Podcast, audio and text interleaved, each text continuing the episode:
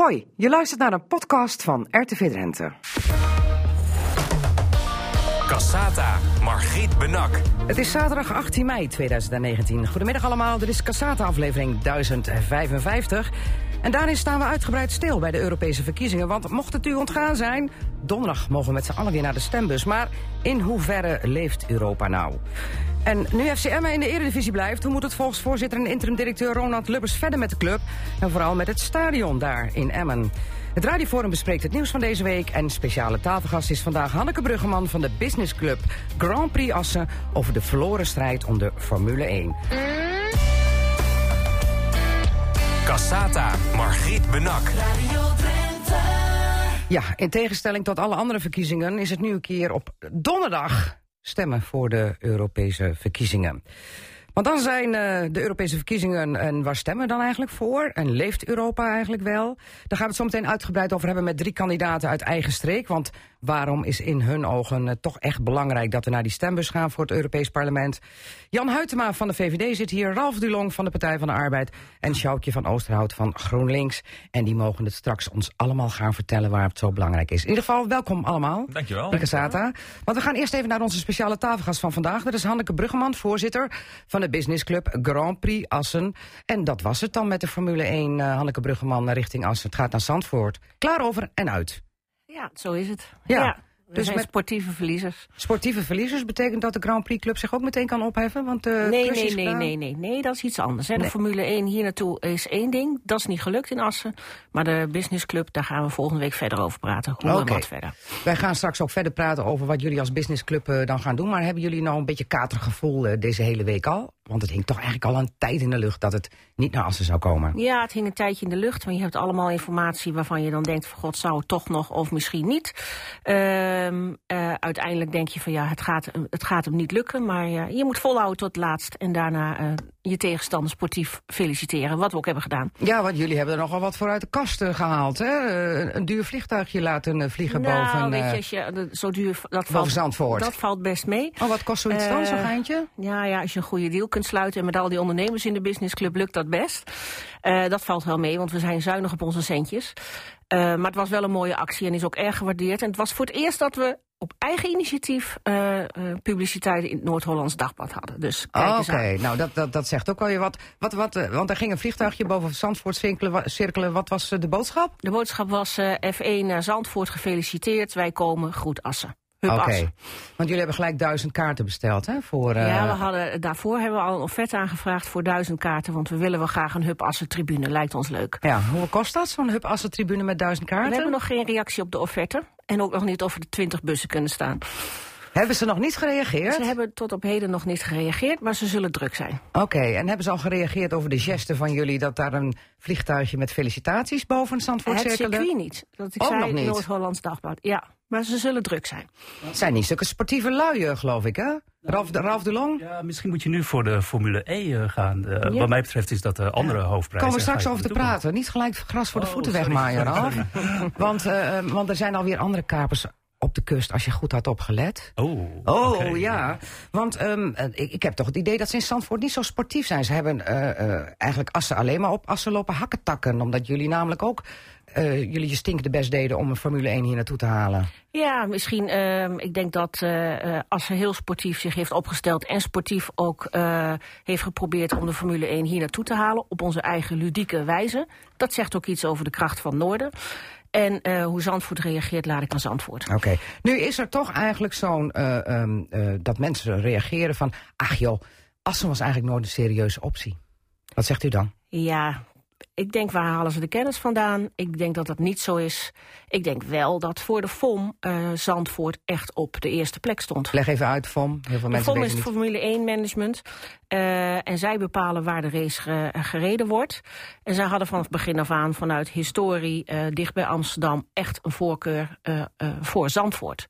Ehm, en ze hadden Assen ehm, zeg maar als eh, reserve in die zin.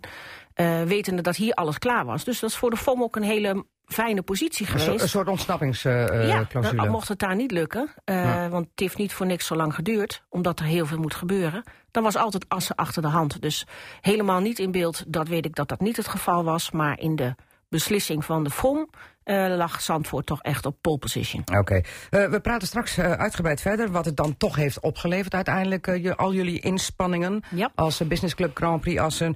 En ook hoe het nu verder gaat. met jullie club en wat er dan eventueel nog in het vat zit. En bijvoorbeeld ook die formule E, waar Ralf de Long het net over had. Want eerst even de Europese verkiezingen, die komen eraan. Die zijn al heel dichtbij, 23 mei. En we hebben hier uh, drie kandidaten zitten. Twee uit Drenthe en één dan zeg maar uit eigen streek. Want hij komt uh, net van over de grup. Uh, Makkinga, Stellingwerven is dat eigenlijk. Dus dat rekenen we ook altijd een beetje bij Drenthe. Um, Jan Huytema, ik begin maar even bij jou. We, we, zeggen je trouwens hier nu. we beginnen bij jou. Jij staat op nummer twee voor de VVD. En je bent door de wol geverfd, want je zit al vijf jaar in het Europees Parlement. Maar leg even aan de mensen uit wie is Jan Huytema allemaal? Um, ik ben een boer uit Makkinga. De, de, verkeerde kant van het jongen. Nee, dat is flauw. Maar wij, wij spreken. Ik kom van oorsprong uit Sneek. Wij zijn uh, op een gegeven moment verhuisd naar Oostellingwerf. Dus en melken een, een, een, ik, ik ben een oprechte Fries. Ja. Uh, wij melken een 130 koeien. En daarnaast inderdaad uh, zit ik van maandag tot en met woensdag. Of maandag tot en met donderdag in Brussel alweer voor vijf jaar. Het mandaat voor het Europees Parlement is uh, voor vijf jaar. En ik hou me vooral bezig met uh, ja, de landbouwpolitiek. Uh, maar ook met milieu en klimaat en met de Europese begroting. Ja, maar um, waar sta jij voor? Ik sta vooral voor de mensen in overal. En dat zijn inderdaad de boeren. Maar ook bijvoorbeeld mensen die het vuil ophalen. Mensen in de gezondheidszorg. de ZZP'er. Mensen die in de bouw zitten.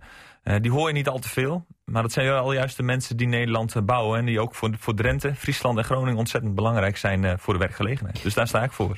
Jan Huytema is verliefd, verloofd, getrouwd. hoe oud? Uh, nee, ik ben uh, single en ik ben 34 jaar. Single en 34 jaar. Maar dan heb je ook geen tijd voor een vrouw natuurlijk, hè? Met en een boerderij en ook nog in Brussel zitten. Ja, ja, ja. Nee, ik, ik hoop wel dat dat een keer van komt. In ieder geval, ik zal mijn best voor doen om daar wat meer tijd voor okay. te maken. Goed, um, jij staat op een verkiesbare plek uh, als enige in dit gezelschap. Je staat op twee. Um, want jullie hebben nu zeven zetels met jullie partij. En dat is dan eigenlijk de Alliantie van Liberalen en Democraten voor Europa. Dus de VVD zie je daar als naam helemaal niet in terug. Die zit dan in die alliantie. Uh, daar hebben jullie nu zeven zetels mee in het Europees nou, Parlement. Nee? Nee? Wij hebben uh, daar drie zetels uh, voor als VVD. Als VVD, oké. Okay, want jullie moeten de poet delen met D66. Juist, en wij ja. hopen dat wij straks inderdaad op zeven zetels komen. we staan in de peiling op vijf en ik, nou, ik denk dat dat oh. realistisch is. We zijn een van de kleinere partijen nu in het Europees Parlement... terwijl we in Den Haag een van de grootste zijn natuurlijk. Ja, ja, ja. maar hoe zeker is jouw plek op twee? Ach, uh, op zich hè, zou je zeggen dat we nu drie zetels hebben. Ik denk niet dat we minder krijgen. Maar er kan altijd iemand met voorkeurstemmen over me heen gaan. Ja. Hè, vijf jaar geleden is dat ook gebeurd. Toen was er een boer uit Friesland die van nummer 6 naar nummer 3 ging. En dat Jan was ik zelf. was dat, zelf, ja, ja, ja, ja, ja. Dus, uh, en ik vind het gewoon heel belangrijk dat je laat zien wat je de afgelopen vijf jaar gedaan hebt. Dat mensen zeggen van nou, je hebt goed uh, werk gedaan, ik stem weer op jou. En dat je ook laat zien van wat je voor de komende vijf jaar uh, weer wilt doen. Dus ik ben kaart aan het campagne voeren. Ik cross heel Nederland door en uh, ja, spreek met verschillende mensen uh, uit verschillende sectoren. En dat ja. vind ik heel leuk. Hoeveel volkenstem heb je nodig eigenlijk? Om, uh, Als je echt, jij je moet minimaal een drempel halen van 19.000 volkenstemmen. 18.000 misschien nu. En dan, als je dat gehaald is het gewoon wie de meeste stemmen heeft, die, die, gaat, ja, die, die, die, die, die, wint. Ja. Maar je moet in ieder geval 18.000 volkenstemmen hebben okay. gehaald. En ik, vorige keer had ik er 26.000. Zo! Al die Zo. boeren die gingen natuurlijk voor Jan Huytema. Al die Drenthe. Ja. Al die Drenthe, al die Ja. boeren. Ja. Al die boeren, zeg ik dan. Goed, de, eh, de volgende kandidaat, Ralf Dulong. Ja. We kennen hem eh, vanuit Assen, de politiek, eh, provinciale politiek. eh, eh, afdelingsvoorzitter van de PvdA Assen. Je staat op nummer 10. Ja. Ehm, ja, dat is zwaar onverkiesbaar, denk ik dan. Maar leg even uit, wie is Ralf Dulong? Nou ja, een deel heb je al eh, gezegd. Ik ben inderdaad op dit moment lid van de Provinciale Staten. Net herkozen. Ja. Uh, ben ik ook uh, heel erg blij mee. Tegelijkertijd stond ik verkiesbaar op de lijst van de PvdA. Althans, verkiesbaar. Nummer 10, Ja. net niet helemaal verkiesbaar. Wij hebben drie zetels op dit moment in het Europees Parlement als PvdA. Um, ik hoop dat we dat op zijn minst gaan consolideren. En misschien eentje erbij, wie weet.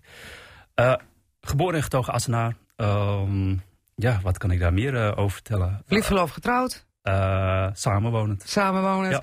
En eh, jullie maken deel uit van de progressieve alliantie van socialisten en democraten. Ja, Ja. dat klopt. Ja, want je kunt namelijk als, als je daar even gaat googlen van, van waar zit de P vandaan, dan denk je, hé, hey, die zie ik natuurlijk helemaal niet. Want die gaat dan op in die alliantie, net als zo bijvoorbeeld ook eh, de VVD.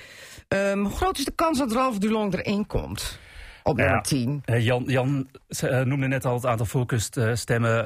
we hebben wel van die individuele flyers, maar voeren eigenlijk geen individuele campagne. Je wordt dus wel geacht om, eh, om jezelf eh, te promoten. En dat is een nieuw, nieuwe vorm eh, van campagne voeren binnen de PvdA.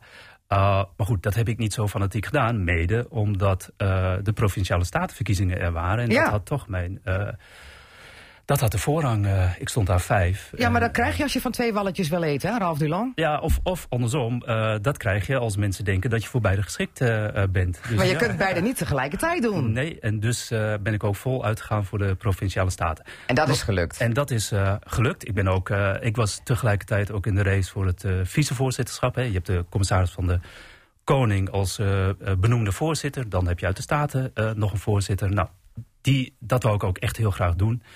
Uh, En dat is gelukt, toch? dat is gelukt. Oké, wie is de dat, eh, wie, eh, voorzitter? De- Je bent dus de vervanger van de commissaris. Zo is het. Jette dan mag jij de is, vergaderingen eh, voorzitten. Nou nee, ik hoop dat zij dat netjes blijft doen. Ja? Maar we doen het wel met z'n beiden. Dus als Oké. hij er niet is, dan zal ik doen. Belangrijkst, Mag ik ja? ja? Ja, je ging belangrijkste punten, inderdaad. Nou, ik, ik vond het heel mooi dat Jan hè, die zeg maar werknemers eh, noemt. Want dat is eh, van oudsher eh, zijn dat, is dat precies ook de groep waar de PvdA De mensen in overal, de mensen in overal. Ja, dus wat dat betreft wordt het heel interessant in het Europees Parlement dat je een soort linkse VVD krijgt.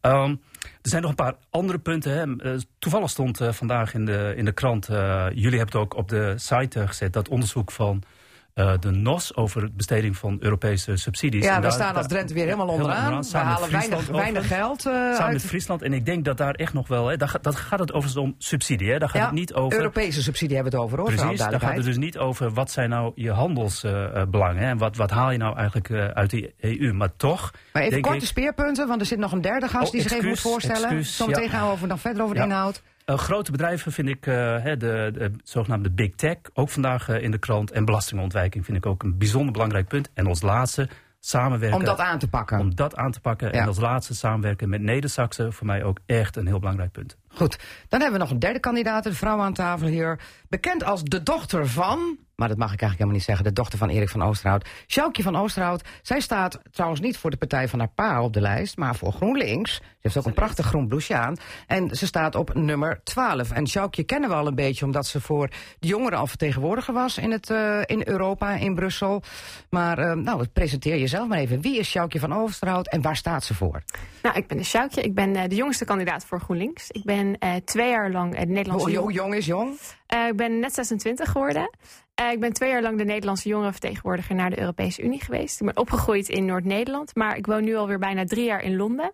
En eh, daar werk ik op dit moment aan de Brexit-onderhandelingen voor eh, Friends of the Earth. In Nederland beter bekend als Milieudefensie. Nou, dat is een lekker klusje, Brexit. Inderdaad. Verschrikkelijk. Ja, Ehm, en daar eigenlijk zorgen dat milieu en klimaat zo hoog mogelijk in die Brexit-onderhandelingen ehm, ja, op de agenda komt te staan. En dat is eigenlijk wat ik in Brussel ook zou willen doen. Ja, Eh, dat is ook het ja. thema waar jij voor gaat, eh, milieu en klimaat. En ja, Ja. goed, dat, dat is tegenwoordig eh, bij alle verkiezingscampagnes eh, eh, het thema. Milieu, klimaat, eh, energietransitie. Dat speelt de Europees natuurlijk ook een hele grote rol. Ja, er is natuurlijk wel echt een groot verschil of je dat zegt in campagnetijd en wat je dan de afgelopen vijf jaar ook echt hebt gedaan. En ik denk dat GroenLinks dan wel eh, laat zien dat het de afgelopen vijf jaar daar ook echt wel resultaat op heeft geboekt. En eh, we hopen die lijn te kunnen doorzetten. Nou heeft eh, GroenLinks op dit moment twee zetels. Jullie zitten met de, de groenen en schuine streep Eva. Eva, leg even uit. De European Free Alliance. Maar je mag wel gewoon de Greens zeggen. Het zijn gewoon een. De Groenen. Ja, de Groenen, Het is in ieder geval maar, ja. herkenbaar. Jullie Ja. zitten met, met die club daar in het Europees Parlement. Dan staat op jouw Twitter-account een frisse nieuwkomer... die graag de grijze heren uit Brussel wil uitdagen. Nou, je wou eh, toch niet zeggen dat Jan Huytema eh, grijs is, toch? Ja, Huytema is er wel echt een, een uitzondering op. Ik denk eh, iedereen. Een positieve Een uitzondering, denk ik positieve uitzondering, ja. Nee, ik denk iedereen die in Brussel rondloopt zal wel zien dat er voornamelijk mannen zijn en voornamelijk oude grijze mannen. Dus hoog tijd dat er een beetje jonge vrouwelijke energie in het Europees Parlement komt. Oké, girl power in het Europees Parlement. Ik constateerde trouwens de afgelopen weken dat het ehm, saaiheid troef is met de Europese verkiezingen. Saaiheid, dat zeg je verkeerd. Stilte alom. Jan Huytema, hoe zit dat? Het leeft niet. Nee, dat vind ik ook. Ehm, ik moet eerlijk zeggen, de, de, de lokale omroepen die doen het beste, trekken er best wel aan. Hè. Ik word bij Omroep Zeeland nu hier, Omroep Friesland doet ontzettend veel. Eh, maar het leeft nog eh, niet echt. Eh, ik hoop Europa dat... toch ver van mijn bedshow? Nou ja, het is groot. Hè. Het is groot. En mensen hebben het gevoel van dat ze geen invloed hebben. Dat hun stem geen invloed heeft. Maar dan zeg ik, nou kijk bijvoorbeeld inderdaad wat er met de brexit gebeurd is in Groot-Brittannië. Heel veel jongeren hebben niet gestemd. En daardoor is het referendumuitkomst geweest een brexit. Ja. Als ze wel hadden gestemd, was het totaal anders geweest. Dus nee, het heeft wel degelijk eh, invloed eh, dat je je stem laat gelden. Waarom is donderdag. Europa belangrijk? Nou ja, je moet ga eens nadenken met je eigen boerenverstand waarom het belangrijk is. Hè. Sommige mensen gaan er heel snel over eens, zijn we gewend aan dat we bijvoorbeeld geen grenzen meer hebben. Maar dat is nog niet heel lang geleden dat we gewoon grenzen hadden met Nederland en Duitsland. En dat vrachtauto's heel lang moesten staan voordat ze eh, verder konden. Eh, ja, dat heeft gewoon, dat nu we vrij kunnen handelen in de Europese markt, heeft het voor Nederland gewoon heel veel banen opgeleverd. Heel veel ha- handel opgeleverd. Nou, dat is belangrijk.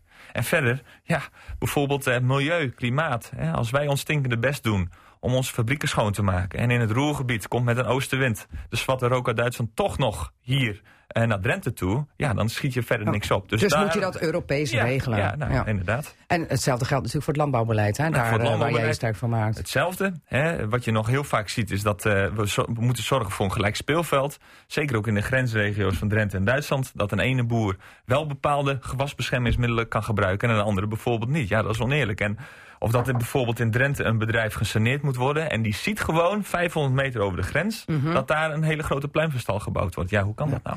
Eh, Ralf de Loon, vul nog eens aan. Wat, zijn er nog punten die Jan Huytema vergeten heeft... waarvan je zegt van daarom is Europa belangrijk... en mensen gaan toch vooral naar die stembus. Waarom? Nou ja, eh, je, ziet een heel opmerkelijk eh, ding eigenlijk. Je ziet aan de ene kant, hè, je, je zegt Europa is een ver van een bedshow. Nou, misschien is dat wel zo, maar eh, je kunt geen krant openslaan. Eh, of de eerste pagina, bij wijze van spreken, gaat al over Europa. Eh, ke- kennelijk hebben mensen dan toch eh, het gevoel dat alles gaat over Europa, of veel gaat Europa. Maar wat Jan zegt, hè, we, wat kunnen we daar nou aan, of wat, wat kunnen we daar mee doen? Voor mij is nog altijd belangrijk, mijn dagelijks werk net niet genoemd, maar ik ben internationaal mensenrechtentrainer. Ik zit veel in de gebieden aan de randen van Europa, in Rusland, Centraal-Azië. Eh, als ik kijk naar eh, mensenrechten, fundamentele mensenrechten eh, in de afgelopen 20, 30, 40 jaar, dan is er één grote waarborg geweest waarom we het eigenlijk zo goed doen als we het nu doen. En dat is de EU geweest. En dat vergeten mensen ook nog wel eens. Hè? Dus je hebt die open grenzen, data roaming kun je ook nog daarbij noemen. Het is, het is een enorme lijst van wat Europa bereikt heeft. Maar die fundamentele rechten, eh, het, gezamenlijk optrekken als EU, vind ik in de wereld een hele belangrijke. En als ik daar nog één klein ding aan mag toevoegen. Uh, energie, hè, de onafhankelijkheid van uh, energie. We hebben het, jij noemde net energietransitie. Hij wijst nu even naar Sjoukje van Oosterhout. Ik wijs naar Groen, mijn GroenLinks. GroenLinks-collega inderdaad. Uh, het, het is niet alleen om milieuredenen uh, belangrijk, maar als je kijkt naar uh, de invloed en de macht die energie, olie, gas enzovoorts aan anderen geven in de wereld en hoe wij daarin staan, vind ik dat op zich al een reden waarom wij moeten streven naar onafhankelijkheid van energie. Ik heb te veel ellende gezien in andere landen.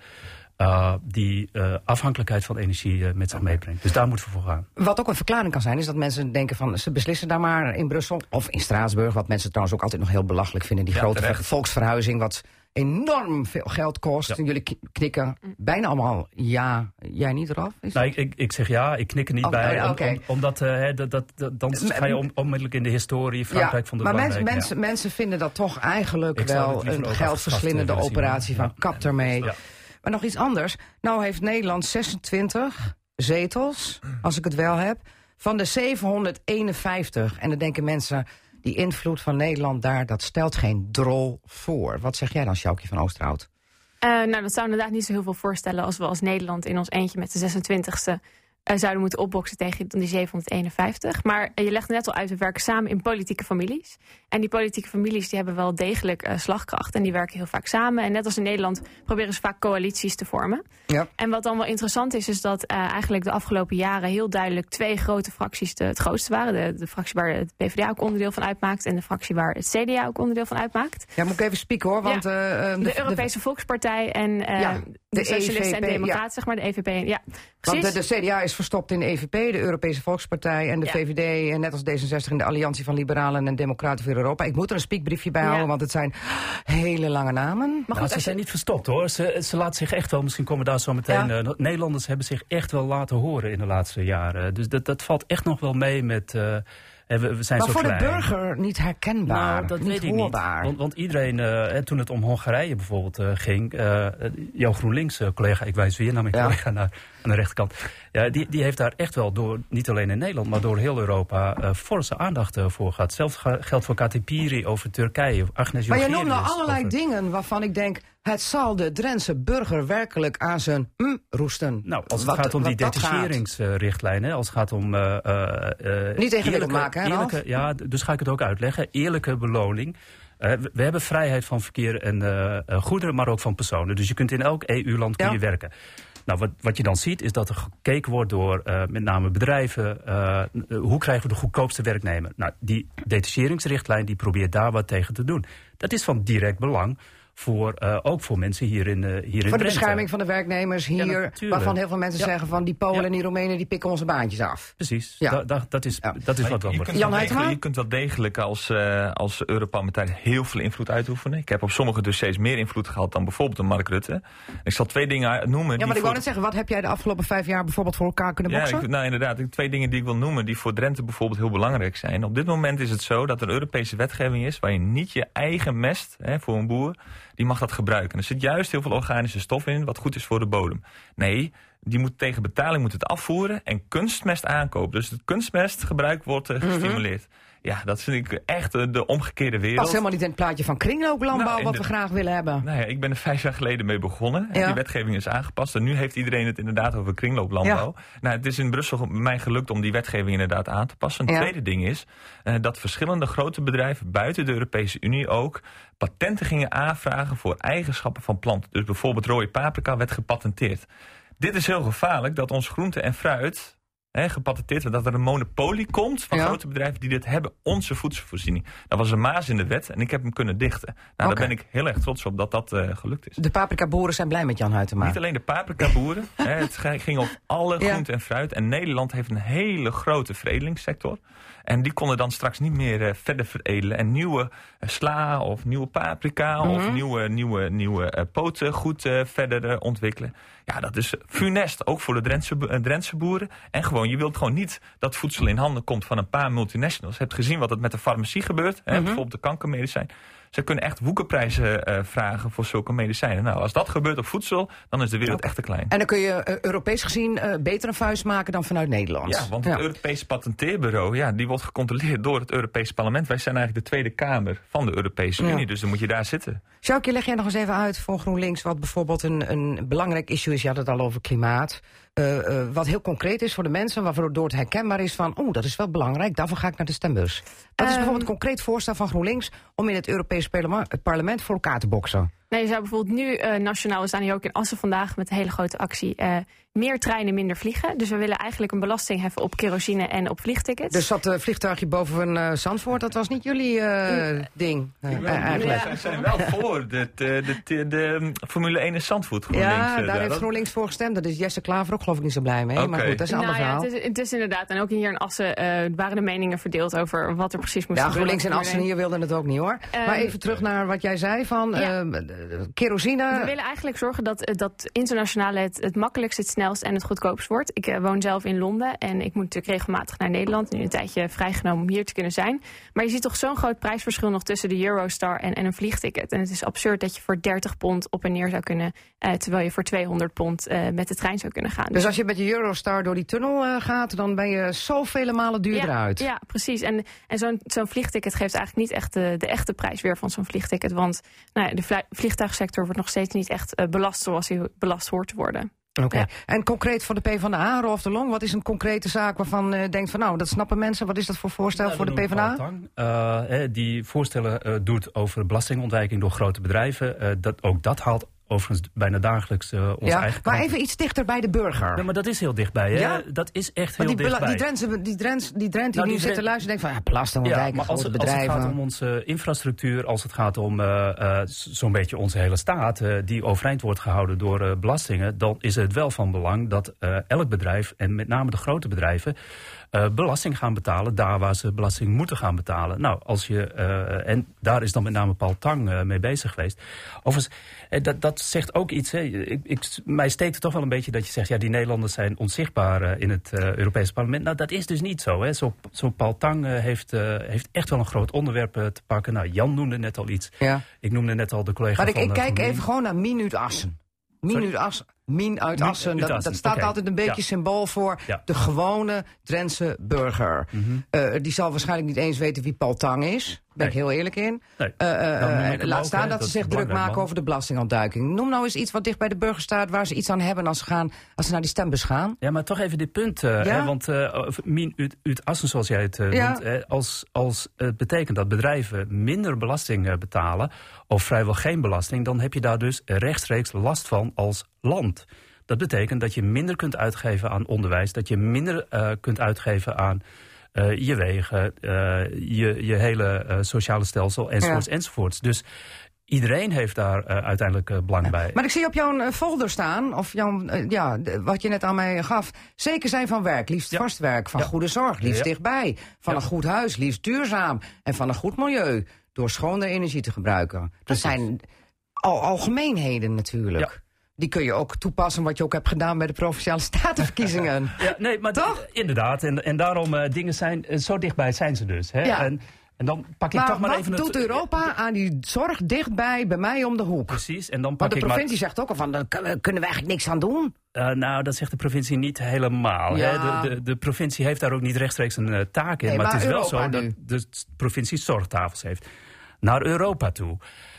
Eh, als je kijkt naar al die onderwerpen, bijvoorbeeld zorg, is geprivatiseerd. Eh, nou, even persoonlijk, daar ben ik geen, ik ben geen voorstander van die maar voortdurende privatisering, eh, waarbij alle geld en, en uiteindelijk macht in handen komen, komen van een aantal verzekeringsmaatschappijen, waar je uiteindelijk eigenlijk helemaal niks mee kunt. Als die omvallen, zullen we dat ook moeten betalen.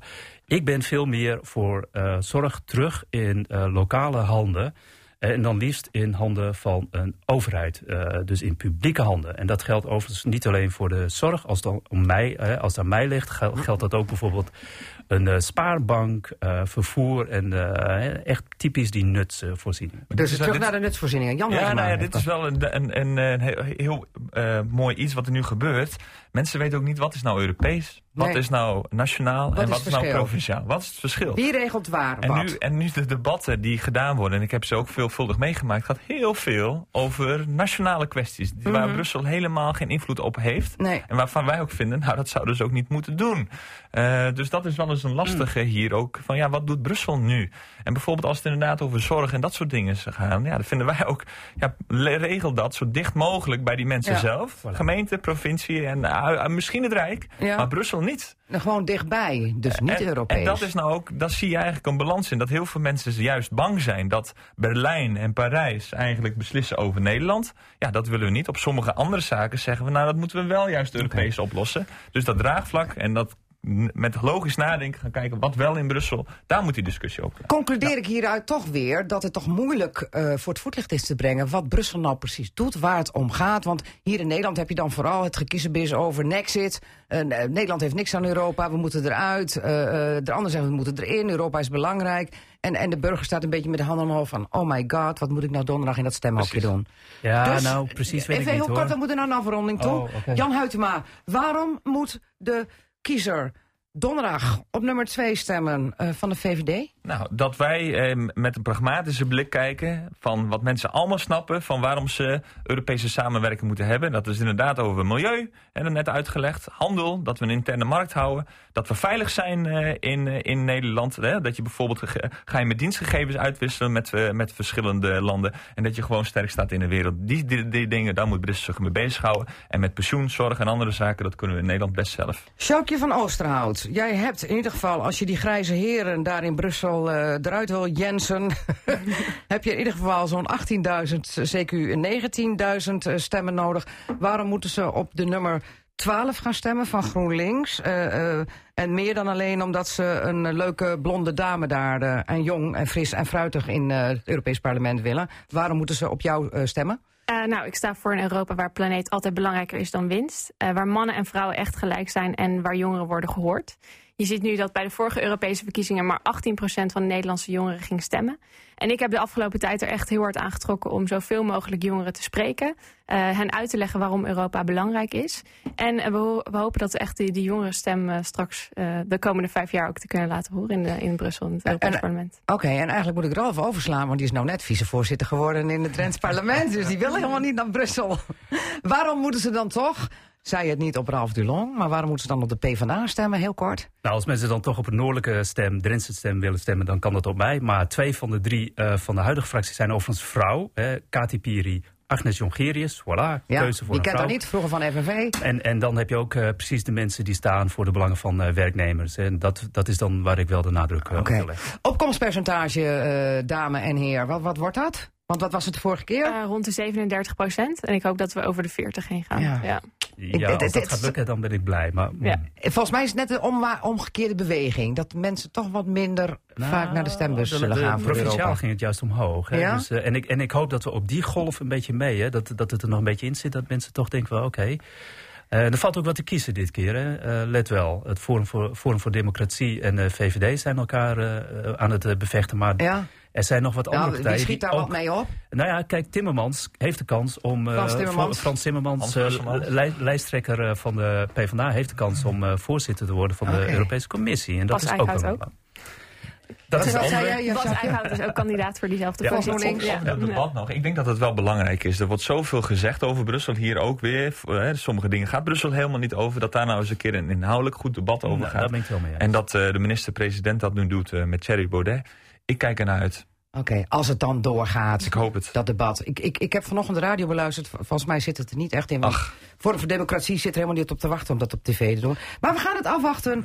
Maar dan, dan gaat het vooral over niet eens wel eens volgens mij. En niet zozeer om de inhoud. We gaan het afwachten. Jan Huytema van de VVD, Ralf Dulon van de Partij van de Arbeid. En Sjoukje van Oosterhout van GroenLinks. Dank jullie wel. En zet hem op, op weg naar donderdag. Dat we met z'n allen naar de stembus mogen voor de Europese verkiezingen. Dank jullie wel. Dank jullie wel. Dank.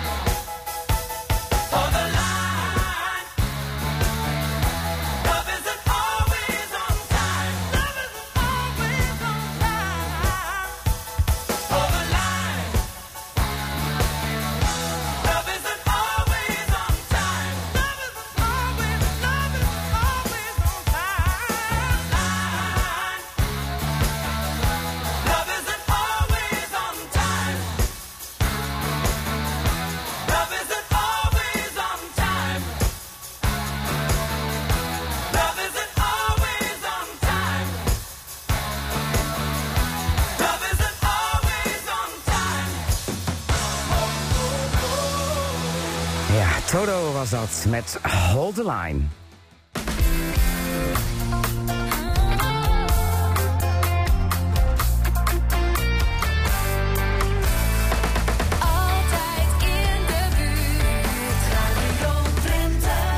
Ja, wat wordt de koers van FCM voor het nieuwe seizoen in de Eredivisie? Droomt voorzitter en interim-directeur Ronald Luppers lekker verder over een nieuw stadion? Of wordt die droom nog steeds meer werkelijkheid?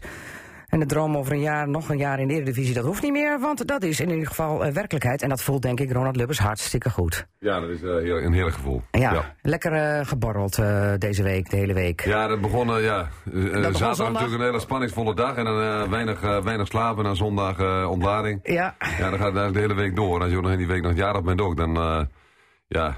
Ja, dat was, en gisteren al, gisteren al afsluiting van, eh, van het seizoen. Dus ja, de hoeveelheid eh, alcohol is eh, deze week, eh, ja. dat was een leuke feestweek, zeg maar. 1-0 nog Ja, even winnen ja. van FC Maar Groningen niet voor thuis. jezelf, hoor, zo'n week lang. Wat zeg je? Dat, dat is niet lekker, een week lang. Nee, daar word, word je wat ouder van dan misschien? Of, Ja, nou, je kan ook brood drinken natuurlijk, maar ja, dat is niet gelukt. is Dus. Oké, nou een droom die wel in duigen is gevallen trouwens is de Formule 1 naar Assen. Hanneke Bruggeman die is speciale tafelgast in Cassata, want zij is voorzitter van de business club Grand Prix Assen.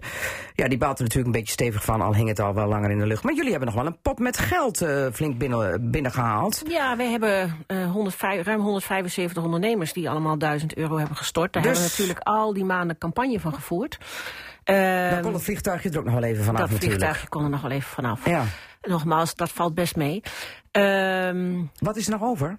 er is nog wat over, maar eh, we gaan aanstaande Wat is zondag. eh, nou, er zijn nog een. We kunnen nog wel wat acties doen. We hebben nog wat geld in de pot. Eh, we gaan aanstaande zondag met de Business Club. eh, hebben we eh, een officiële, zeg maar even, ledenvergadering. waarin we ook de verantwoording af zullen leggen over wat we met hun geld hebben gedaan. Ja. Wat er nog over is. Dus dat gebeurt daar als eerste en niet hier.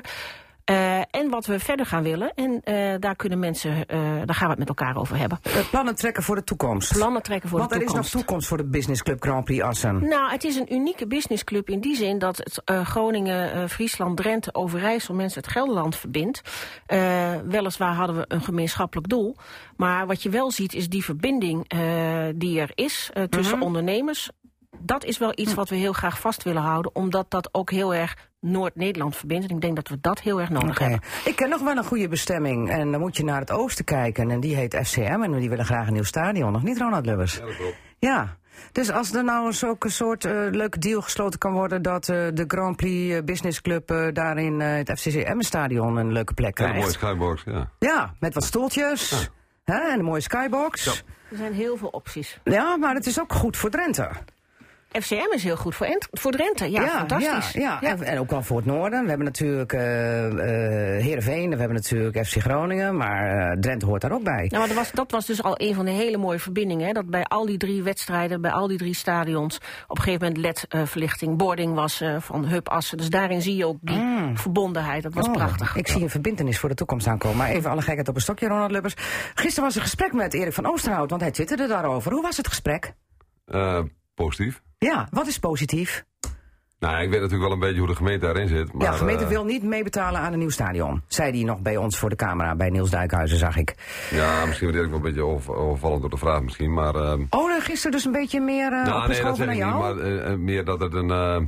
het werd eh, een tienjarige overeenkomst met de trainer, et cetera. Maar goed, als er geen ambitie is in de trainer, dan ben ik een jaar weg, hoor. Zo moeilijk is dat niet.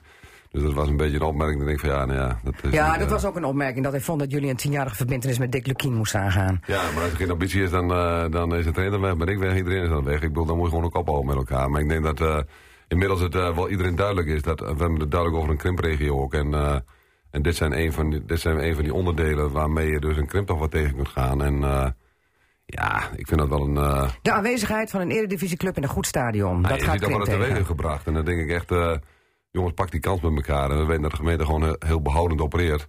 Ja, Heeft natuurlijk een hele zware vaartlandsoperatie achter de rug, waar, eh, waar, waar men nu voor 80 miljoen aan leningen in zit. ja. Ja, nou ja, goed. Natuurlijk moet die, die, dingen zijn eh, verschillende grootheden. Maar de ene is natuurlijk voor eh, de Drenthe zelf en de andere is natuurlijk voor mensen voor hoe open, buiten was het, hoe open was het gesprek gisteren met Erik van Oosterhout? Schoft hij toch een beetje richting nou, we jullie op, hebben alleen maar dingen tegen elkaar gezegd over, eh, waar we over de weer niet zo blij mee waren. Maar goed, dat is ook prima.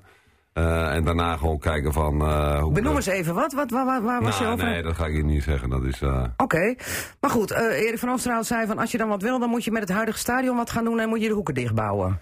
Ja, kijk, laat duidelijk zijn dat als op het moment dat er een, een financieel interessantere oplossing is, en we kijken zeker naar het bestaande stadion, alleen bij een taxatie kwam, dat was een streep door de rekening in de plannen ook die er zijn, ehm, dat blijkt nu dat het hoofdgebouw er gewoon niet te verbouwen is, dat het ding gewoon af moet. Ehm, Oh.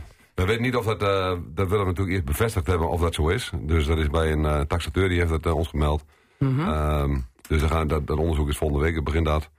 Ehm, dat we eerst zeker willen weten, want je kunt wel allerlei plannen maken. Maar als dan in één keer een hoofdgebouw niet meer kan blijven bestaan, zeg maar. Dat je niet kunt verbouwen, niet uitbreiden, geen doorbraak kunt maken. Dan, ja, dan heb je natuurlijk een heel andere... En dat is niet omdat we de- liever een nieuw stadion hebben. Dat is, dat is niet het verhaal. Maar je moet het wel vroegtijdig weten. Want voordat je straks eh, erachter komt dat het in één keer niet wil. Ik kijk ervan vlieg- ik, het is voor het eerst dat ik dit hoor, dat het niet mogelijk Nou ja, is. dat is heel recent hoor.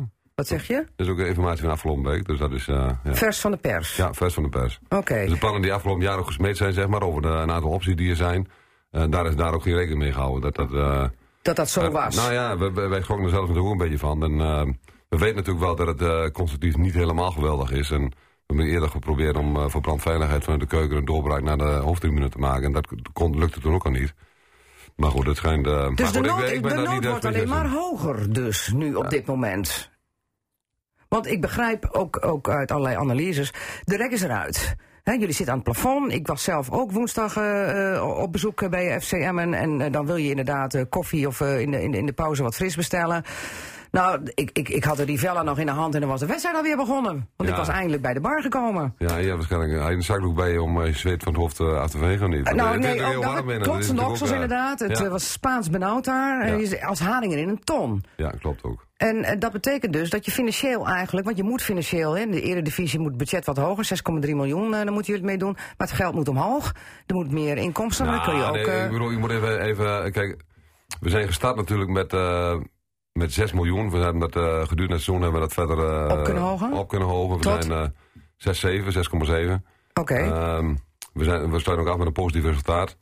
We gaan komend seizoen gaan we naar 8,25 denk ik. oké. Maar kijk, dat betekent niet direct van dat, het, ehm, dat er allemaal geld over is. Maar je weet ook dat je uit de eerste divisie komt, dat je dan spelerscontracten hebt die een bepaalde waarde hebben. En die jongens krijgen een automatische verhoging. Ja, Alleen als je nu nieuwe jongens uit de markt moet halen, die zijn duurder. dat is duurder. Of een nieuwe contractverlenging met een bestaande jongen, dat zou er ook kunnen Ja, zijn. Dat ja is, eh, dus daar ben je al extra geld aan kwijt. En de ja, en dus, divisie... dat is ook dat is ook noodzakelijk zeg maar, dat die vergroting gewoon omhoog gaat. Ja. En je moet gewoon, je moet gewoon naar minimaal 10 miljoen. En alles wat eh, onder de 10 miljoen omzet zit bij, eh, bij de Eredivisieclubs, dat, Mhm. dat is binnen twee, drie jaar is dat gewoon weg. Dus moet je meer stoeltjes, want je wilde graag naar 10.000 eh, zo ongeveer. Maar je moet dus ook meer exclusiever eh, skyboxen aan kunnen bieden om meer geld binnen te halen van sponsors. En van, eh, nou ja, hè, Grand Prix Business Club, die wil Ja. ook exclusief natuurlijk. Ja. Want je hebt al een contract moeten laten lopen van 30.000 euro, of, toch? Nou ja, dat belletje kwam niet meer mee binnen. Dat was de commerciële afdeling die dat... maar goed, in ieder geval, er was een aanvraag voor eh, acht VIP-stoelen. En die zijn toch eh, per twee 7700 per stuk. Dus dan is het... eh, of per, per twee dan. Dus dan heb je het over bijna 31.000 euro. Nou ja, dat is één ding. Maar goed, aan de andere kant bijvoorbeeld ook een landelijke, een landelijke partij... die zeg maar ook dingen eigenlijk wil doen. Want, want men, ik ga het geen community marketing noemen... wat we bij, bij Emmen toepassen. Maar je ziet wel dat er wel een bepaalde gunfactor is... zeg maar, richting, richting provincie Drenthe en, en Emmen. Ehm, die gewoon de vraag stelt van... ja, wat kun je dan ons bieden? Ja. Nou, niks. Dus, Nee. dat, dus dat is gewoon heel jammer. En dat zijn... eh, Mensen Ja, die- willen zich verbinden, maar hebben, krijgen niet de gelegenheid. nee, dat lukt dus niet. En eh, op het moment dat je dus eh, weet... Dat ligt dus aan het stadion, Ja, zeg jij. Ja, dat, capaciteit dat is gewoon- het probleem. Ja, maar wat, wat, ehm, wat erbij is, kijk, op het moment dat er natuurlijk een, een vooruitzicht is... wanneer het dus wel klaar is, of wanneer het, er definitief komt... Mhm. dan kun je daar met elkaar kijken van hoe, dat, hoe je dat gaat financieren en hoe je dat doet. Maar dan heb je in ieder geval een overbrugging daar naartoe. En dan, ja, dan, is het, dan, dan kun je misschien wel met bestaande sponsoren zeggen van... ja, god, wil jij misschien twee stoeltjes afstaan tijdelijk tot, die, tot een nieuw Ja, stadion ja. er is... want we kunnen dit... Nou ja, nieuw dan, dan, dan kun je, kun creatiever zijn. Maar goed, Ja. op het moment dat dat vooruitzicht er dan niet is... ja, kun je gewoon niks. Dat nieuwe stadion moet als stip op de horizon staan. Er moet een afspraak zijn, dat nieuwe stadion, uitspraak, dat komt er. Is er al een gesprek geweest met de provincie? Want je zat hier een hele tijd geleden, eh, voor, dat was voor de winterstop. Toen zou dat gesprek alles komen. Eh, er is natuurlijk, eh, de verkiezingstijd is het geweest. De, de formatie is bijna klaar. Ik zie een dikke grijns. Vertel. Nou, nee, ik bedoel... Ja. ik- Nee, ik, even van jouw uitzendingen hoor ik ook iets over dat er kritiek was op, over de, eh, de aanstelling van, van Kees Bijl. Ehm, nou, de dan aanstelling van Kees Bijl. Ja, Nou ja, nee, ik bedoel, dat- ja, dat Ja, van, dat- eh, dat hij daar als... ehm, Nou ja, Kees daar gewoon de vraagt. Reden komt. daarvoor is, is, is niet zo moeilijk. Kijk, eh, normaal als je planologisch kijkt van hoe lang het eh, duurt voordat er een nieuw stadion staat. Het gaat normaal een hele lange tijd duren. Die tijd hebben wij gewoon niet. Dus het zal sneller moeten dan misschien wel ooit vertoond. Dan zijn er een aantal opties. Dan moet je gewoon niet zorgen dat het allemaal ehm binnenkamerspolitiek is. En dat gewoon de discussie gewoon opengooit. Want het is natuurlijk van ons allemaal. ja. En ja, maar ik vroeg me alleen maar af of het niet beter was dat Kees Bijl gewoon als gedeputeerde daar eh, in stilte mee aan de slag had. En dat hij eh, in het volle, op volle schijn Ja, maar ja, dat zijn keuzes die je maakt, van de maar- Raad van Toezicht. Ja, maar dan blijf je daar, eh, natuurlijk zitten in, in de bestaande rol. Op het moment dat je dat natuurlijk anders zou gaan doen...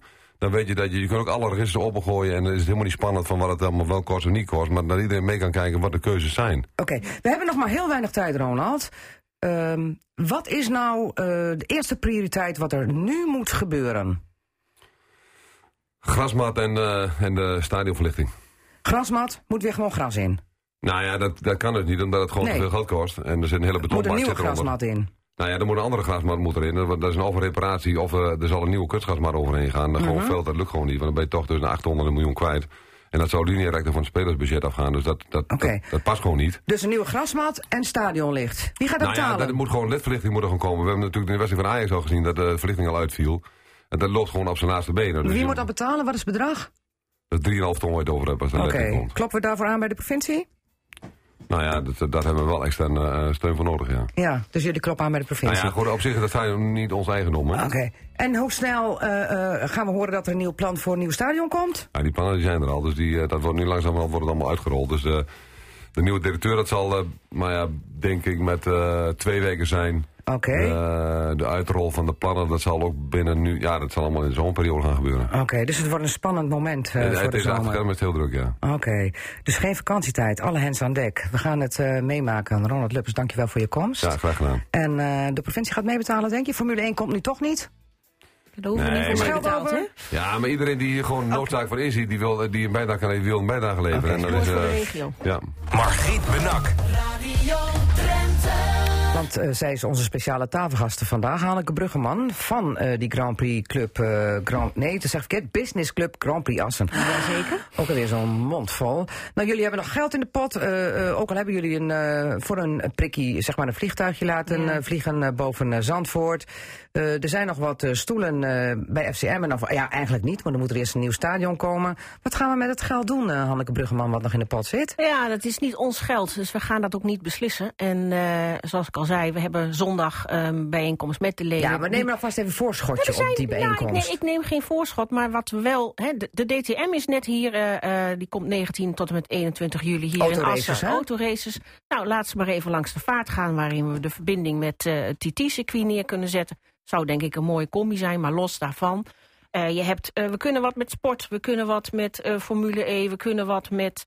ehm, ja, er zijn heel veel mogelijkheden. Alleen, het is niet ons geld en het gaat over de ondernemers. Ja. Die gaan daar ideeën en, eh, inbrengen en ook over beslissen. Oké, 175.000 zat er in de pot, want 175 werden er lid van die club. Allemaal 1000 euro inleggeld.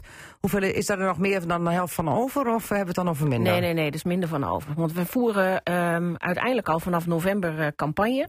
Ehm, waarin we in begin mei, hè, want ook eh, dat eh, is nog aan het onderzoeken van wat het uiteindelijke bereik is geweest. Maar begin mei hadden we ruim 6000 mensen die op een of andere manier met eh hubassen in aanmerking waren gekomen. Dus aan city marketing, als we dat gaan vertalen, of aan marketing voor Noord-Nederland, denk ik dat we. 6000 vind ik nog 6 weinig. miljoen. Oh, oh, oh, 6 Je zei miljoen. 6000. En dat was begin mei, dus de uiteindelijke cijfers zijn we nog aan het berekenen. Maar die impact is heel groot. En dat is ook die merkessentie van Racestad Assen, Noord-Nederland op de kaart zetten. Dat willen we ook vooral En vasthouden. dat is al winst. En jullie hebben elkaar noordelijk allemaal gevonden. Want het gaat dan om ondernemers uit Groningen, Friesland, Drenthe en Overijssel. Ehm, maar er was ook kritiek. Want Jos Vazen, die eh, voor eh het TT-circuit de kar moest gaan trekken om hier die Formule 1 naartoe te krijgen. Samen met Lee van Dam en samen met Theo Verdegem, oud-wethouder van, eh, van Assen voor de VVD. Die Jos Vazen zei van dat het toch ook eigenlijk wel weer lag aan de noordelijke overheid. Want eh, die vond dat het eh, allemaal veel beter had gekund. Snap jij Nou, die kritiek? Dat weet ik niet. Ik denk, ik, ik, kan, eh, ik denk dat het goed is om te evalueren waar we dingen hebben laten liggen. En daar hoort de politiek, het bedrijfsleven, de organisator, TT-circuit alle betrokkenen bij. Ik denk dat dat heel slim is om te leren wat we voor het vervolg anders kunnen Ja, doen. wat hij heeft kritiek op de overheid. Ja, Bijvoorbeeld maar de ik, als ik kijk naar een Henk voorop. die heeft toch echt zijn kop uitgestoken en zijn nek uitgestoken. En die heeft echt heel veel betekend. Provinciale Staten heeft een, een motie eh, breed aangenomen. Dus er zijn wel degelijk ook hele positieve signalen Mhm. Ja, maar dan heb je de gemeentepolitiek in Assen... waarbij GroenLinks constant op de rem trapt als het gaat om de Formule 1.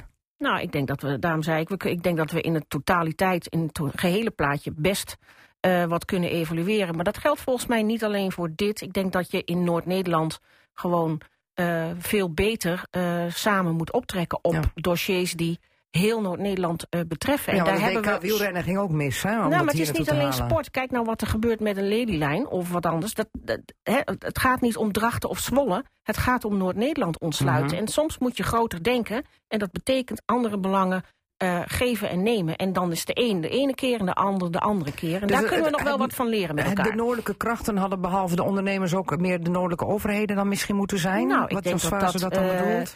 Ik, denk, ik weet niet of het voor deze beslissing wat had eh, uitgemaakt. Ik denk wel dat we dat moet, met elkaar moeten evalueren. Want Hm. nogmaals, de Formule One management die besluit Ja. waar ze de race willen. En die waren vanuit emotie, dat erken ik wel, vanuit de historie en de ligging van Zandvoort, heel erg voor Zandvoort. En hoe het circuit eruit ziet en hoe het rondkomt, zal hun zorg zijn als zij Nee. de garantie maar krijgen. Het plaatje daar aan het strand is sexier. Amsterdam is dichtbij, dat is sexier. En ja, die seksappeal, dat mist Drenthe en Assen. Ja, en ook de historie die we Ja. niet hadden. Hè?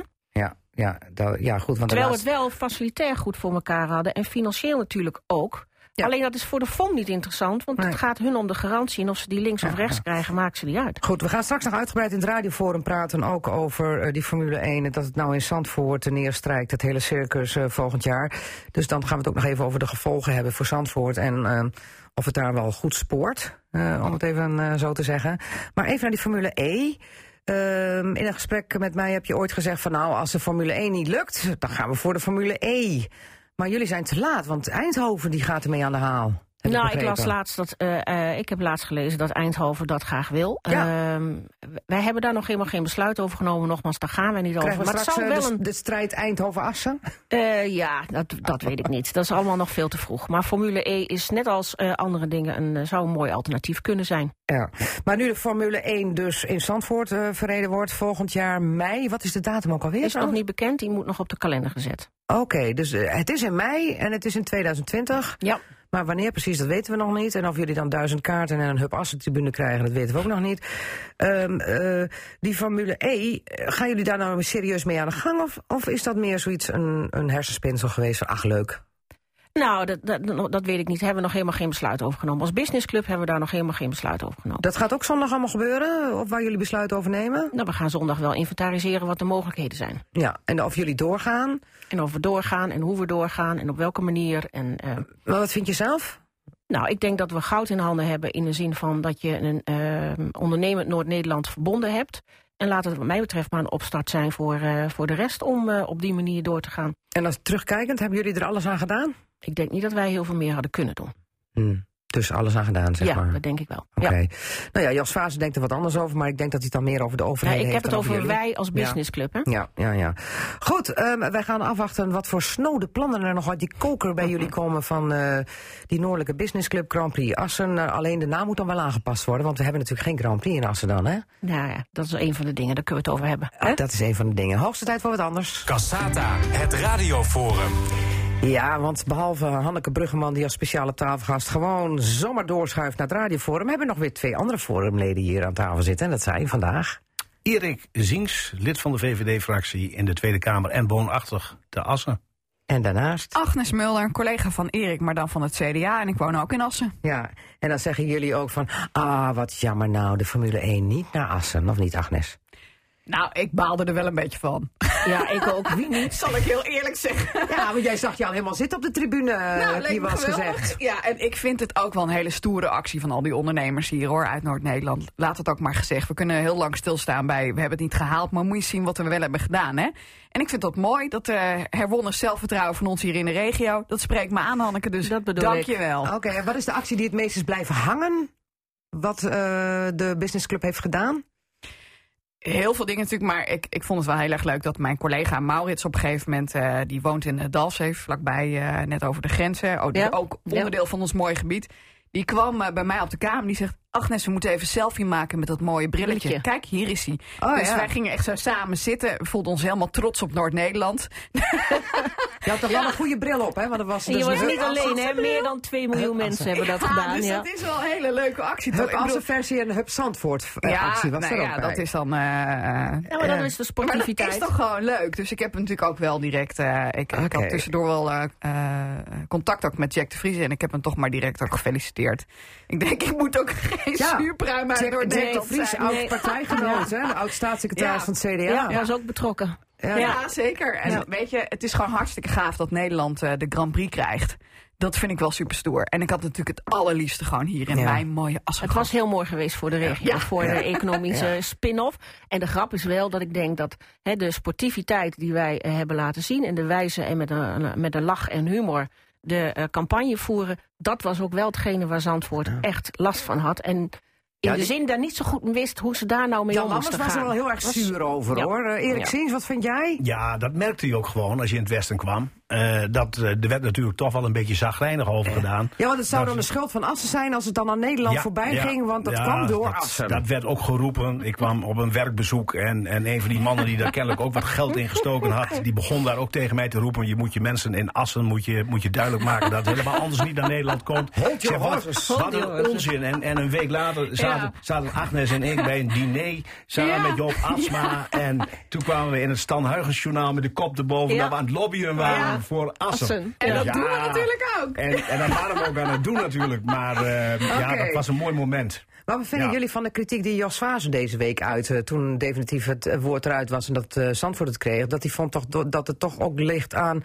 het gebrek aan, aan inzet van de noordelijke overheden... van al, eh, misschien wel gemeente Assen? Ik kan, ik kan daar heel moeilijk over oordelen. En ik weet wel, en nou sluit ik me aan bij de woorden van Hanneke, die ook aangaf dat met name vanuit de Staten, hè, Staten breed, Ja, maar ook door de gedeputeerden, daar is zo verschrikkelijk op gehamerd. We hebben daar ook zoveel contacten Ja, over gehad. Maar de gemeente Assen had natuurlijk het probleem dat GroenLinks nu in het ja, college nou ja, zit. dat- en, ja, en dat daar is- dat is- constant ja. bij elke scheet die over de Formule 1 ging... dat ze zeiden Ja. van, wethouder, Ja. wat bent u aan het doen? En viel me dan nog mee dat ze dan nog niet over die scheet begonnen. Maar eh, ja, als we, als we het toch over GroenLinks hebben. Maar, maar, nee, maar, dat is nou- natuurlijk ontzettend jammer. Want in feite, eh, Assen, ja, het is onze parel, eh, het circuit. En dan denk ik, sluit je dan gewoon aan, sluit de eh, geledingen.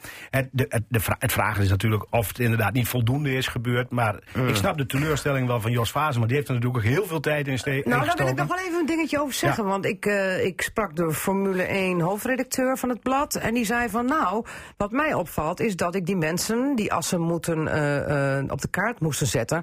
nergens buiten de circuits van Europa heb gezien. En daar waar de FOM tijd heeft om even een goed gesprek aan te gaan... dat is buiten de circuits in Europa, want er is minder pers.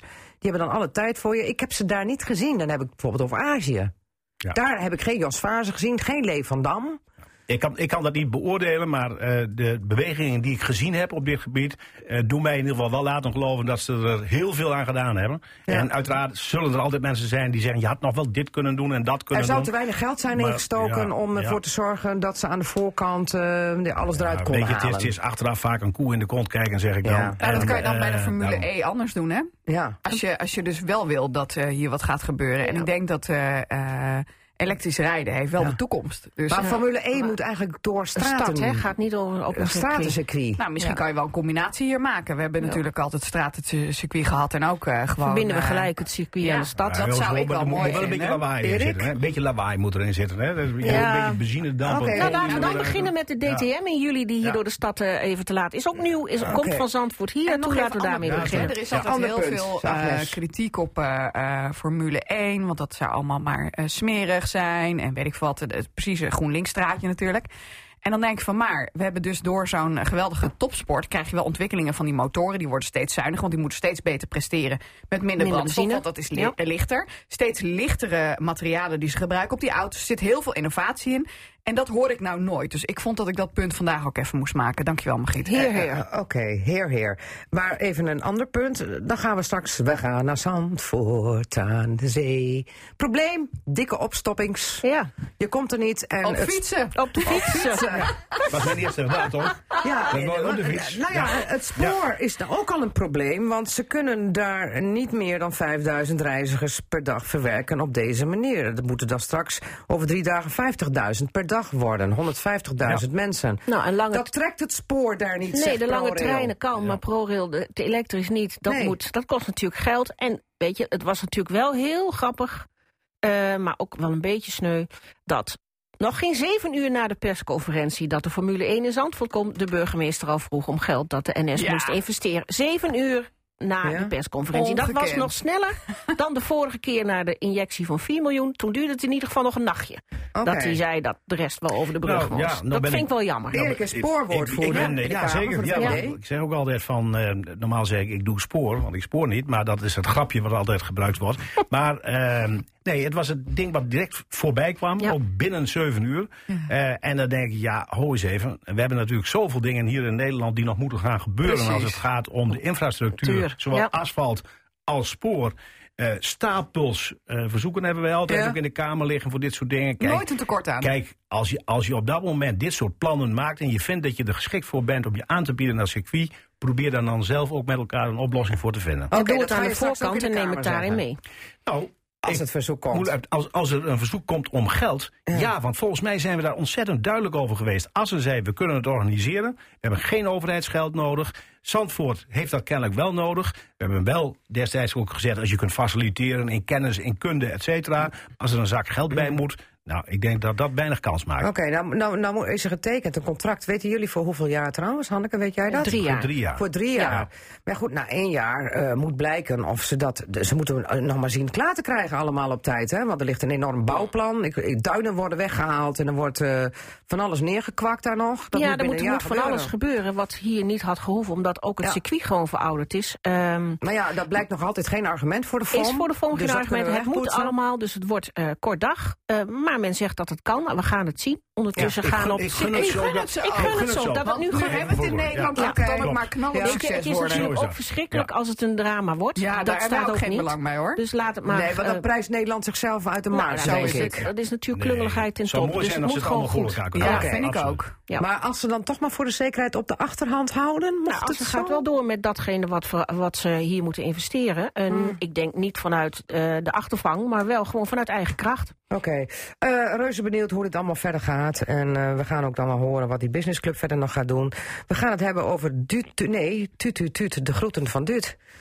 Erik die kijkt al zo van, ach nee toch. En dan heb ik toch een Frank Duut. Want de soap ging nog even weer door deze week. Want we hadden het in het forum gehad over Frank Duut en zijn opmerkelijke overstap. Dat hij doei zei tegen 50PLUS, waarmee hij één zetel in de Staten kreeg. En dat zich aansloot bij Sterk Lokaal. En het werd samen Sterk Lokaal Drenthe. Maar zo sterk was Sterk Lokaal niet, want Duut heeft alweer de, de, de verloving opgezegd. Hoe kijken we hier naar, dames en heren? Ik heb in Erik de Singers. vorige, erg. vorige uitzending heb ik er al iets over gezegd. Elk ik wou is daar veel? Ja, nee, dat ging over zetelroof. En, eh, en ik heb daar mijn mening ook eh, duidelijk over gegeven. Ik, ik, wat mij betreft hou ik het daar ook bij. Eh, want volgens mij hebben we veel betere onderwerpen. Hij zoekt nog eh, een leuke geval- naam voor zijn Ja. zijn ik, kan, lonely. ik, kan hem niet, eh, ik kan hem niet bedenken, maar wellicht dat de dames hier ter linker en ter rechterzijde goede ideeën hebben. Maar ik zou zeggen, voor mij streep eronder, het is klaar. Agnes Mulder, is, is, is dit nou eigenlijk voor de politiek een slechte zaak dat dit soort dingen gebeuren op deze manier? Ja, ik vind het gewoon heel jammer dat dat zo gaat. Ja. Ik kan me ook niet voorstellen dat dat eh, ook eh, zijn intrinsieke intentie is om, om, om het zo te doen. Ik bedoel, ik ken hem hier nog vanuit de raad, hè, heb ik samen Ja. met hem ingezeten. Toen was hij voor de VVD ja, nog kon ik eh, best raadslid. hele redelijke gesprekken met hem voeren. Dus ik weet niet wat er in tussentijd allemaal gebeurd is, maar ik vind het gewoon jammer. Ja, maar ja, goed, eh, dus, eh, men heeft hem wel eens niet een spelletje of wie heeft nou wie Dat gevraagd. is Dan helemaal denk ik niet van, van gaat toch helemaal niet meer om. Nee, maar we- we- ik, ik vind het wel heel erg dat eh, op deze manier gaat het vertrouwen in de politiek gewoon weg. Als Mhm. jij eh, wel tekent dat als je bij, eh, het er niet mee eens bent dat de zetel bij de partij blijft, daar hou je je al niet aan. Ehm, dan los van wie wie vraagt. Het, Ja. Maar het maakt het hele geheel gewoon heel erg onbetrouwbaar. En, Nou, en dat is denk ik funest als mensen dat geloof in de politiek Ja. verliezen. Als je toch al twijfels hebt over het feit hoe de landelijke partij opereert als 50PLUS met Henk Krol als boegbeeld. Eh, en, dan, en dan zeg je kort na de verkiezingen, eh, stap je eruit. Dan had je je toch nooit verkiesbaar moeten stellen, denk ik dan, voor diezelfde partij. Want dat, die gevoelens komen toch niet zomaar in een maand op? Nou, je stelt je toch ook verkiesbaar omdat je gelooft in de ideeën en eh, de, de partijideeën en de gedachten daarover. Ja. Over het algemeen doen Dat politici dat ook. Het is echt de uitzondering die gelukkig de regel dan maar weer bevestigt. Ja, oké. Nou, we zullen afwachten eh, met welke naam Frank Duut zometeen op de proppen komt voor zijn partij. Waarbij hij nog gesteund wordt door één iemand. En dat is de oud-voorzitter van Drenthe van 50PLUS, eh Ton Voerman. En dan zijn ze met z'n tweetjes en dan hebben ze een leuke klus te klaren eh, voor de komende vier jaar in de Staten. We zullen er geen woorden meer aan vuil maken, Erik, tenzij er nog weer wat anders opduikt. En hij zich misschien aansluit bij de VVD. Nee, dankjewel. nee. Gaat vast niet gebeuren. Oh, we zijn weer terug op het oude nest, weet je niet. Eh Lelylijn werd net al genoemd. Ja. Ehm, de Lelylijn wordt ineens weer helemaal eh, op de voorgrond gedrukt. En dat komt door Hans de Boer. Voorzitter VNO-NCW die was deze week op bezoek in Drenthe. Had, er was een bijeenkomst eh, in Nooit gedacht. En het gekke is, gedeputeerde eh, Henk Brink die wist er helemaal niks van. Die las het later eh, in de pers dat Hans de Boer was geweest. En die daar weer pleit voor de Lelylijn. We noemden dat ooit de Zuiderzeelijn. Dat is die lijn van Groningen, Drachten, door de polder, bam, naar Den Haag, Amsterdam. Ehm, daar zijn we ooit mee afgekocht voor dikke 2 miljard. Daar hebben we allemaal leuke dingen mee gedaan, zoals de Florijn al- als in Assen. Eh, in Emmen, het Stadsplein en de Hondsrugtunnel en Wildlands. Dat soort dingen. We hebben het geld binnen en nu gaan we toch weer opnieuw met de Lelylijn beginnen. Nodig, Agnes Melder, Lelylijn? Nou, wat nodig is, is dat je dat dan eensgezind als Noord-Nederland eh, gaat doen. Want anders hoef je niet aan te komen in Den En zie je dat, die eensgezindheid? Nou, je hebt het net omschreven hoe dit ging. Ja. Dus eh, als Hans de Boer dit een serieus plan vindt... dan moet hij dat ook intern goed met iedereen hier regelen. ja. Erik Sinks? Ja, eh, zelfs die eh, miljarden die destijds beschikbaar zijn gesteld, die zijn nog niet eens allemaal uitgegeven. Dat is natuurlijk al een heel bijzonder iets. Eh, Daar zijn ze toch mee bezig. Het zijn allemaal infrastructurele projecten. Ik, ik weet het, maar goed. we varen kant- daardoor, daardoor door het kanaal van Assen. Plannen zijn gewoon helemaal niet verkeerd om ze op de plank te hebben. Maar goed, we moeten ook op dit moment realistisch zijn. Kijk, destijds waren die plannen, die zijn niet uitgevoerd. Dat geld is eh, op een andere manier nu eh, praktisch allemaal besteed. Ja. En vervolgens komt eigenlijk weer een soortgelijk plan weer tevoorschijn. Ja, dan kun je dat best proberen te gaan uitwerken voor de toekomst. Maar weet wel in ieder geval dat voorlopig daar geen geld voor is. 3 miljard Binnen- schat hij in. ja, maar goed, we weten allemaal wat de potjes zijn voor infrastructuur. Ja. Eh, we hebben daar eh 2 miljard extra Ja. voor de komende periode voor beschikbaar gesteld. En structureel volgens mij nog 150 miljoen eh, voor allerlei knelpunten. Dat betekent dat de potten op dit moment allemaal al Ja, vergeven maar, zijn. maar ze vinden dat de Lelylijn op de agenda moet komen te staan. Jawel, maar goed, dat is ook een kwestie van, van eh, een wat langere adem. Mm. Eh, kijk, die plannen zullen dan weer opnieuw ter tafel moeten komen, uitgewerkt moeten worden. Ja, en dat, dat is een kwestie van lange adem. Dus je moet ook kijken, ondanks het feit dat je het op de agenda zet. Want als je het op de agenda zet, betekent het in feite ook binnen dat hele MIRT noemen we dat. Ja. eh, dat je dan op dat moment ook moet laten zien dat er ook middelen voor zijn. Mm. Want dat is de volgorde der dingen. Dus het gaat direct eigenlijk al om geld. Dus je zult dat hier ook, als je dat met elkaar wilt, met drie provincies in ieder geval. Ja. En misschien die vierde, want Overijssel eh, Ja. is volgens mij daar ook een eh, groot voorstander van. Probeer dat sterk te maken met elkaar. Kom dan ook met die plannen. Geef dan ook aan hoe je dat Maar financieel die brede steun kunt zie ik nu niet, want Henk Brink zegt... ik wil gewoon over bestaanspoor nu gewoon die snelheid richting... eh, eh, duidelijk, dat is duidelijk, dat is dat duidelijk gecommuniceerd ook Ja. door Henk Brink. Dus ja, wat dat betreft moet je dat natuurlijk ook goed in het achterhoofd Even houden. kort, Hanneke Bruggeman nog. Wat vind jij ervan? Want jij noemde net de Lelylijn ook als het gaat om die noordelijke samenwerking tussen die Nou, ik- ondernemers. hè, als ik nou één ding is wat ik, wat ik denk dat belangrijk is, is dat je gezamenlijk optrekt, politiek en bedrijfsleven. Dat je gezamenlijk een plan trekt, dat je dat aan de voorkant met elkaar aftimmert en Ja, daar dan ook voor gaat. Maar waar is En van dan- die gezamenlijkheid iets te merken als bijvoorbeeld een Henk Brink al helemaal niet weet dat die Hans de Boer van VNO Nou, eh, dat, dat bedoel dat ik. verhaal gaat Ga vertellen? het met elkaar. hè, maak er één, ge, één gedeeld plan van. in- en, en laat even los waar het uit, uit welke koker het komt. Ja. En daarom zei ik, of het nou via Zwolle moet of via Dracht is niet van belang. Je zult Noord-Nederland beter moeten ontsluiten, sneller moeten ontsluiten. Wil je aan kunnen blijven haken. En wil je ook een probleem van de, van de Randstad, want dat geloof ik wel. Eh, op, eh, op kunnen lossen in de zin van eh, dichterbij Ja. wat, wat wonen en werken daar makkelijker maakt om het hier naartoe Het te noorden dichter bij de Randstad daar hebben wij ook voordeel van met Ja. z'n allen, want dan hebben we ook kennis en meer mensen en dan hebben we ook weer meer power. Ja, wat Hans de Boer zegt van op het moment dat Tom Egberts in NOS Studio Sport roept dat Ajax naar het hoge noorden moet. Daarvan zegt Hans de Boer dat kost ons alweer 10 arbeidsplaatsen. Ik denk dat dat zo is. Ja? Ik weet niet waar hij die cijfers vandaan haalt. Nee, maar niet, nee. volgens mij schudt hij die zo spontaan uit zijn mouw. Maar eh, kijk, het is natuurlijk zo, en dat ervaren. Ik- Ik denk dat, dat Agnes dat ook wel meemaakt in het Westen. Als wij vanuit het noorden naar het westen toe gaan, dan zeggen we, nou weet je, we stappen of in de trein Ja. of in de auto en we gaan er even naartoe, dan doen we dat. Maar de- andersom, dan zie je die Ja. hele grote, grote ogen, zie ik op dat moment Moet je zetten. helemaal naar Groningen? Moet, je, helemaal denk ik, naar joh, hou nou toch op. Stel maar toch ik niks denk voor. dat heel veel mensen, ook zelfs wel gewoon binnen onze provincie, ehm, eh, dat soort stukken rijden, dat doet niet iedereen. Hè? En, eh, dus dat is sowieso al een drempel. eh, dus, In Randstad is leeft dat ook zo. helemaal niet. Want er is alles Nee. dichtbij. En dan zitten ze rustig dezelfde tijd in de trein of in de Ja, auto in de file. Ja. Maar het is een andere beleving. ja. Nu we het toch hebben over helemaal naar het noorden. Wie gaat er ook helemaal naar het noorden? En dan naar Leeuwarden. Sibrand Buma. Hij wordt dan toch burgemeester. Het hing ook al een tijdje in de lucht, maar nu toch. En dan heb je natuurlijk bij het CDA heel kort... wie gaat nou de grote partijleider worden? Nou, Agnes, wie wordt jouw man? Of moet het een vrouw worden? Dat is zo mooi, dat is een democratisch Wopke fractieproces. of Hugo?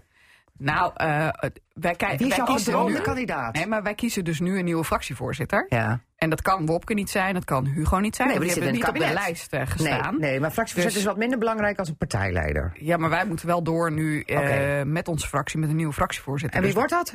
Geen idee. Oh, Nee, dat weet ik nog gewoon niet. ambities? Ik niet. Nee. Nee. Eh, Erik. Maar wel mooi dat Siebrand naar eh, Noord-Nederland Ja, komt. Hè? Voor dat Daar hebben we plannen een voordeel hebben van, we hè? een zwaar Ik gewicht heb naar nog 30 Noord-Nederland erbij. Ja, ik word het ook niet. Nee, Jij wordt het ook niet? Ik word het ook niet. Eh, Kom op, daar gaat de fractie zelf over. Nee, als, als partijleider. Nee, ja, laten we het uitzoeken. Hanneke, wie vind jij het leukst? Eh, ik ga voor de vrouw Mona, weet ik. De- de- Mona. Ja, die staat er toch in de Mona Mona Keizer. Keizer. Ja, nee, weet je, daar, daar gaan we het toch niet over. Daar moet de partij zelf uitmaken. Oké, nou we gaan afwachten wat het CDA in zijn oneindige wijsheid besluit. Dit was Cassata voor vandaag. Hanneke Bruggeman, Erik Sings en Agnes Mulder, dankjewel. We zijn er volgende week weer. Fijn weekend. Dag. Altijd in de buurt. Radio Drenthe. Je luisterde naar Cassata. Dat is te beluisteren als radioprogramma op zaterdagmiddag, maar sinds kort ook als podcast. Net als het radioprogramma Drenthe Toen. Vond u dit nou interessant? Nee, je. Want eh, iedereen die podcast luistert is jong tegenwoordig, hè? Dus ik moet even opnieuw doen. Outro. Je luisterde naar Casata. Dat is te beluisteren als radioprogramma op zaterdagmiddag, maar sinds kort ook als podcast. Net als het radioprogramma Drenthe Toen. Vond je dit nou interessant? Geef ons dan 5 sterren en laat je beoordeling achter. En vertel het natuurlijk aan vrienden, familie en collega's. Want daarmee help je ons zodat we nog meer luisteraars kunnen bereiken. Tot volgende week.